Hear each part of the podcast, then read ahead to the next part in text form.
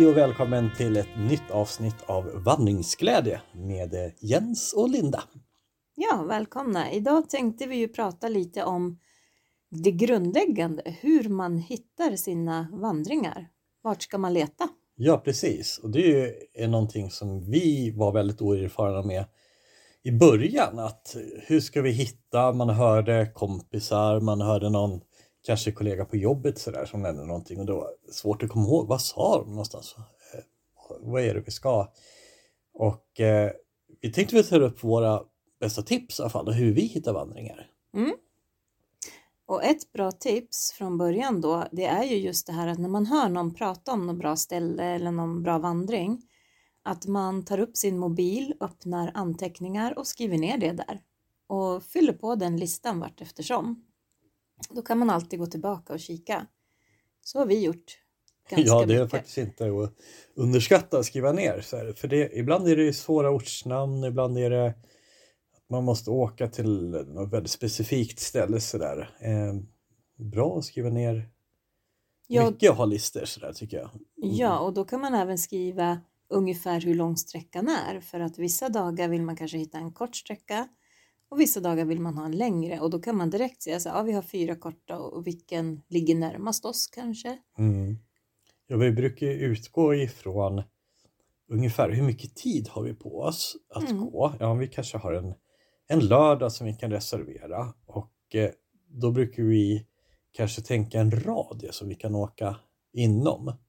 Så då har vi redan där eh, uteslutit en stor del av Sverige utan då, då blir det ju lite eh, att vi får ner liksom vår filtrering till att söka i, i närområdet.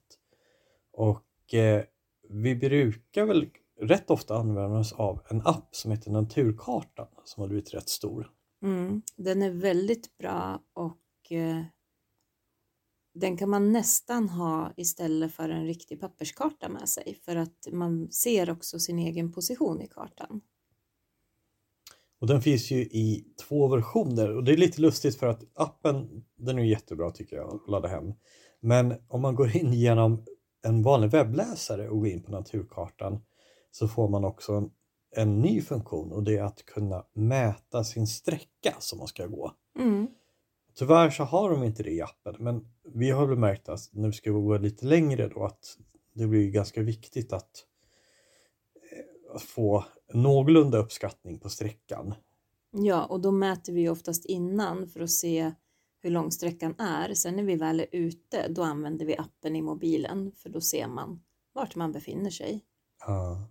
Och det finns väldigt många filter i den här appen så att man kan sortera fram både vandringsleder och specifika andra leder. Det finns eh, bänkar, grillplatser, jättemycket olika. Vad brukar Mm. vi mer använda? Ja, jag tror, ja men så vindskydd och vi brukar ibland planera in vart ska vi äta ungefär Mm. om vi vet att det finns bra vindskydd eller liknande. Ehm, ja, det är väl stort det tror jag. Mm.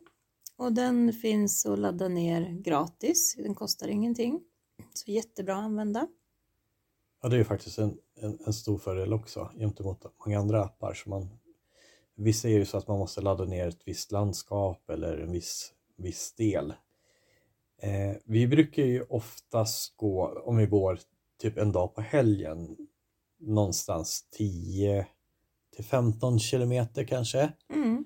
Det tycker vi är en ganska skön, skön längd eh, och vandra på. Och då, då kan vi också redan då när vi planerar vad vi- ska åka se ungefär på naturkartan liksom, vilka eh, sträckor kan passa och, och det är väl mycket det här Vissa sträckor de går ju inte runt. Nej. Då får man lov att gå en, en väg framåt och sen samma väg tillbaka. Men i början tyckte vi det var jättetråkigt och tyckte liksom att ja, men då är det ju samma väg. Men nu har vi verkligen upplevt många gånger när vi har gjort det att det blir en annan upplevelse när man vänder sig om. Så att det känns helt okej. Man ser andra saker, man ser det åt ett annat håll. Och det har inte blivit tråkigt, snarare tvärtom att man kan slappna av lite i känslan att nu hittar vi. Ja, precis. Och ibland är det ju så att eh, när, när vi är ute och vandrar att vi kanske kommer in i en diskussion och man kanske inte ser lika mycket av landskapet eh, under ett visst tag. Och när man går då sträckan tillbaks och kommer till samma ställe så är man antagligen i ett annat mode när man går Mm. och kan liksom ta in just den delen mycket. Men vi, har, alltså vi har tänkt mycket på det här, gå fram och tillbaks eller hitta sådana rundslingor.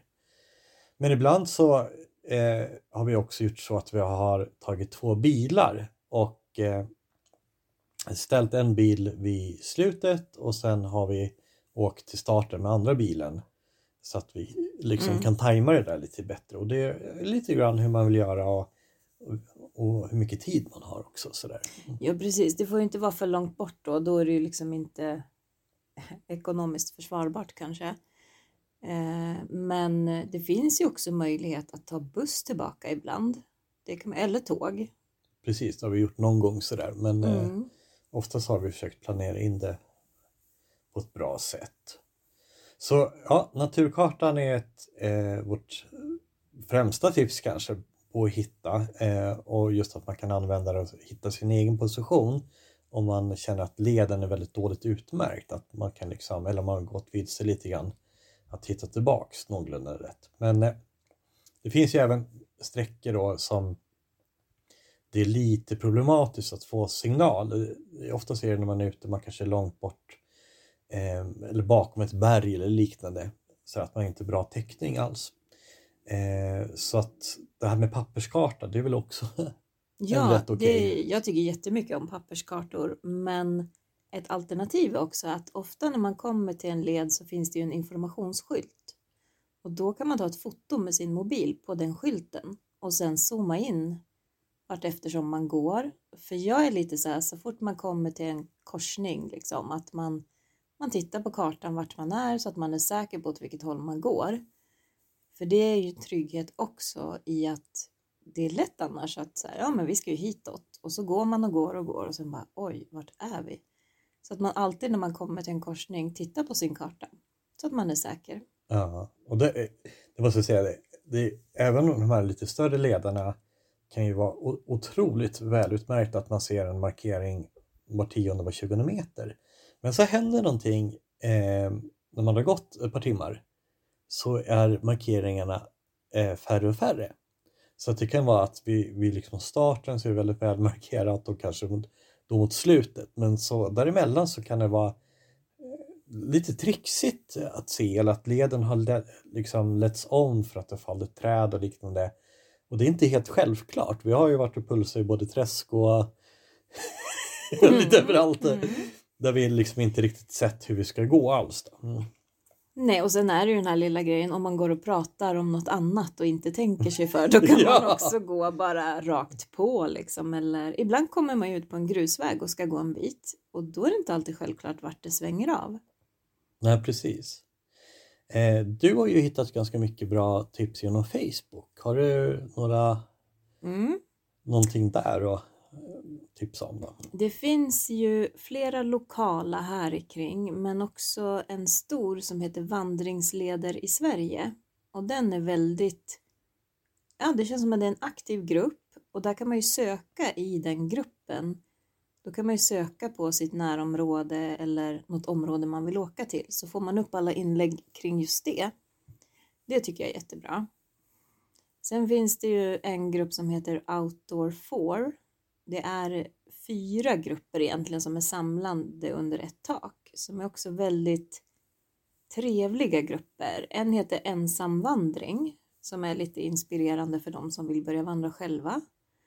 Och sen är det Vandringsvänner. Då kan man få nya vandringsvänner. Att man liksom träffas några från den här gruppen och går.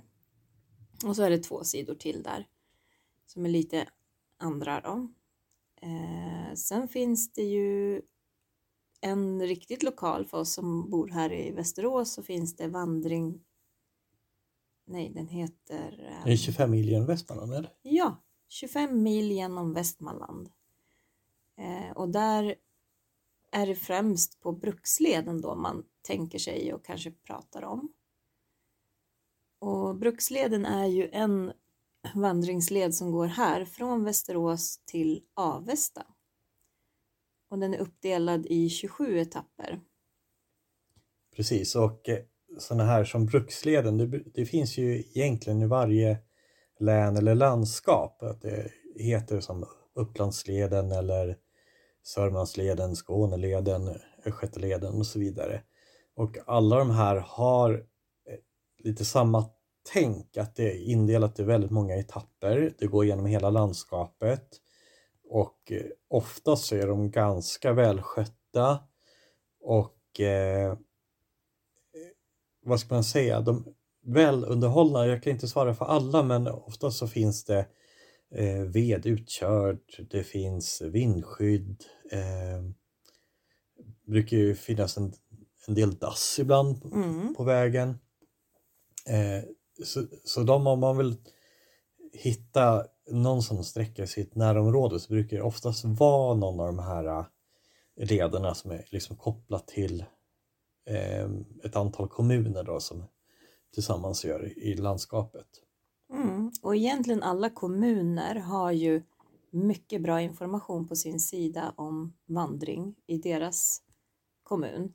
Där kan man också få jättemycket information så att när vi åker någonstans så kollar vi nästan alltid in på den sidan och ser vad det finns för fina, för det är oftast väl beskrivet med hur lång sträckan är och vad det är för miljö och man går i och väldigt bra. Och apropå kommunerna så brukar ju oftast turistföreningen samarbeta i det som kallas för Visit.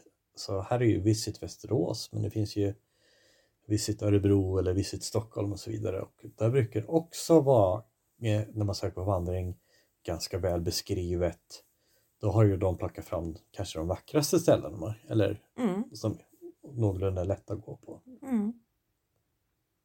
Ja, så det finns väldigt mycket och man ska inte vara rädd för att även prova sådana här korta som kan faktiskt se jättekorta ut. Man tänker, men det är väl ingenting, två, tre kilometer. Men oftast finns det, man kan gå den fram och tillbaka eller man kan sitta och fika länge och bara njuta av det. Så att man ska inte tänka att det är för lite eller för kort heller. Nej, och man har ju kanske chans att ta två stycken om man vill ja. gå lite längre. Och vi har ju vi har väl gjort de flesta som finns i vårt närområde eh, och återbesökt många förstås. Eh, men så hittar man några som kanske är på ett par kilometer.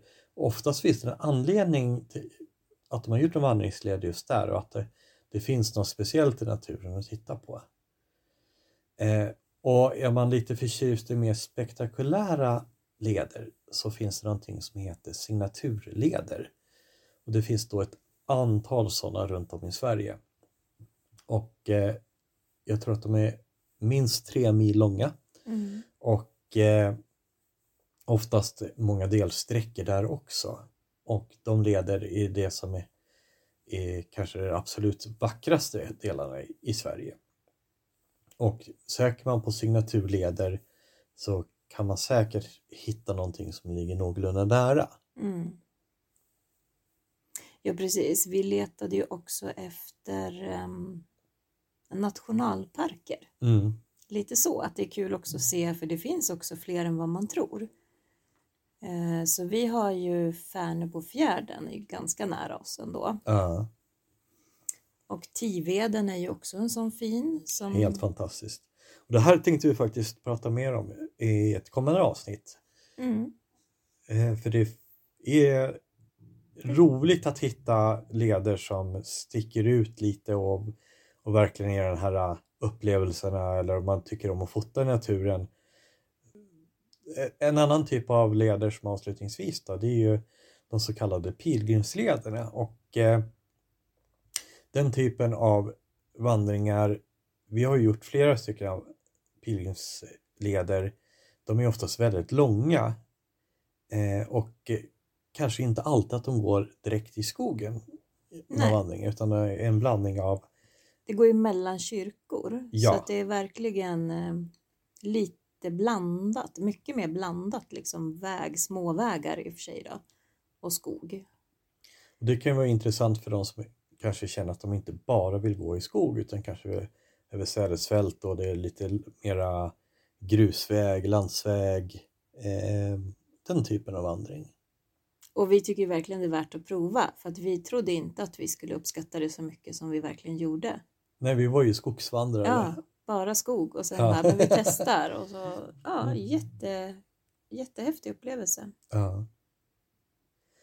Och det här var väl i princip våra bästa tips. Eh, sen finns det förstås många andra sätt att hitta vandringar och vandringsleder. Men eh, det här är ju så som vi har hittat Ja. våra. Mm. Och det vi tycker också så här, om ni hittar en riktigt bra så dela med er till de ni känner och skriv i de här grupperna liksom och tipsa andra. För det blir aldrig trångt i skogen. Ja, det var våra bästa tips och eh, vi hoppas att ni har blivit lite inspirerade att hitta vandringar i närområdet. Så lycka till och ut i skogen!